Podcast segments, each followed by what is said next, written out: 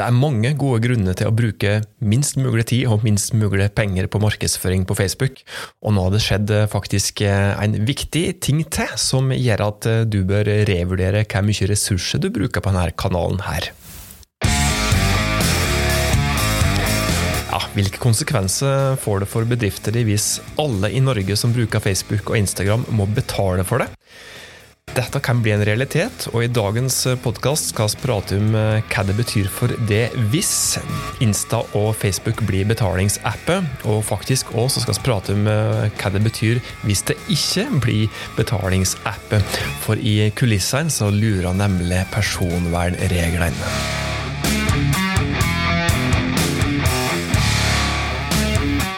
Velkommen til en ny episode av Hauspodden. Dette er podkasten fra fagfolket i Haus, og oss er her for å gi deg enkle, men effektive tips til hvordan du og kollegaene dine kan ta grep i den virksomheten som dere jobber i, for å nå strategiske firmamål og eh, det er sjøl om dere ikke nødvendigvis har kjempemange millioner i budsjettet, eller verdens eh, største eh, apparat i ryggen på f.eks.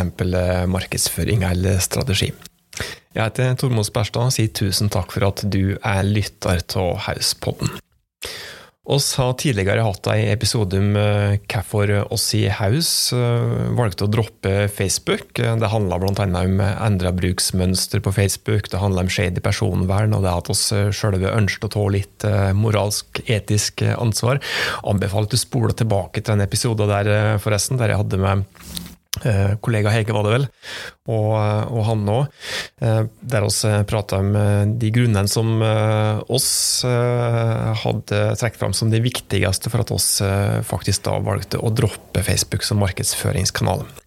Men det som er viktig, et viktig bakteppe i dette, her, er at eh, hele forretningsmodellen til Meta, altså Meta er da selskapet som eier Facebook og Instagram, hele forretningsmodellen til Meta er basert på at du og jeg gir bort persondata som Facebook og Insta kan selge til annonsører.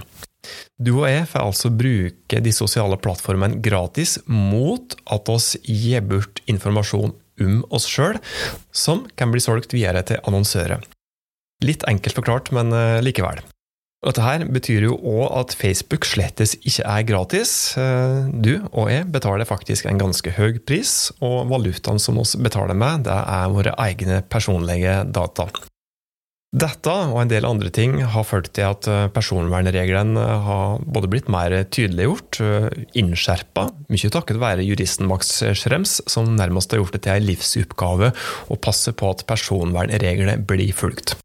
Og nå har det kommet så langt, eller gått så langt som at eh, Meta, som da som sagt er felles, eh, selskapet bak, eh, bak, Facebook og Instagram bl.a., sier at de, med de strenge personvernreglene i Europa, nå vurderer å innføre månedsbetaling for europeiske brukere, slik at brukerne som da velger å betale, slipper å få annonser i feeden sin. Og På den måten så mener da Meta at de ved å innføre denne her betalingsfunksjonen til, til dem som ikke vil eh, gi bort persondata, så kan de også sno seg unna reglene. Det er vel det de egentlig prøver på her, da. Og den nevnte juristen eh, Max Schrems, som vi prata om, eh, han er ikke enig, og han sier at eh, fundamentale rettigheter som personvern ikke er noe du skal måtte betale for, og at Facebook og Instagram dermed ikke kan komme seg unna regelverket ved å tåle dette grepet som de prøver på nå. Eh, nok om det denne omgangen, men eh, hvilke konsekvenser vil det få for det? Altså ikke som eh, person, men som, som en som jobber i ei bedrift, ei, ei virksomhet som bruker metaproduktet. Hva til konsekvenser får det for dere hvis Facebook, Instagram innfører betaling for brukerne sine? Her kan vi tenke oss litt ulike scenarioer. Hvis det da blir en betalingsløsning, da, så, så vil du bl.a. få ei mindre målgruppe å annonsere mot. Du når altså ut til færre som annonsør. Det er òg grunn til å tro at dersom du og jeg må betale for å bruke Facebook og Instagram, Kommer oss egentlig til å gjøre det, egentlig? Gjør oss det? Er Facebook noe som oss gidder å bruke hvis vi må betale 120 kroner måneden, som er et foreslått konkret beløp? Jeg er litt usikker. Jeg tror at uh, tallet på brukere kommer til å gå ned. Og dermed så vil uh, de som bruker Facebook og Insta som markedsføringskanaler, og få en mye mindre målgruppe å nå ut til. Hvis en da bruker organisk eller gratis markedsføring på Facebook og Instagram. Altså dem du når ut til, vil bli færre uansett om du bruker annonsering eller, eller organisk markedsføring. Og hvis betaling ikke blir innført, da, så vil det vel kanskje bli som i dag. Eller det er kanskje en eh, underdrivelse, fordi at debatten rundt personvernet, som kan velte hele forretningsmodellen til Facebook og Instagram, den kommer garantert til å fortsette uansett eh, utfall, og spesielt eh, hvis det da blir en betalingsløsning her. Da blir jo det store spørsmålet hva egentlig du, eller virksomheten som du jobber i, bør gjøre, da. Altså Uansett utfall til dette her, uansett om Facebook, Instagram, altså Meta, greier å sno seg unna ved å innføre betalingsfunksjon i Europa eller ikke. Hvis det er slik i dag at du bruker mest tid og mest ressurser på disse kanalene, som eh, når det er prat om markedsføringsbudsjett, så bør du revurdere disse tankene dine. Kanskje dette er noe som du bør tenke på når du planlegger 2024. fordi at eh, når vi spiller inn denne episoden her, så er vi jo da eh, langt ut i oktober 2023, eh, som gjør at det er på høy tid å planlegge tids- og ressursbruken din for, for 2024.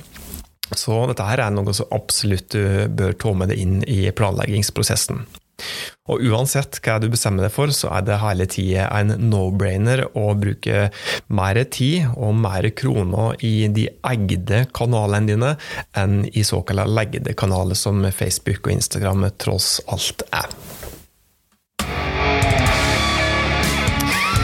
Det var det som vi eh, hadde å by på i dagens Hauspod-episode. Stutt og konkret. Eh, enda flere grunner til å bruke mindre tid på Facebook og Instagram som markedsføringskanaler. Inntil oss høres neste gang, så må du ta godt vare på det og dine.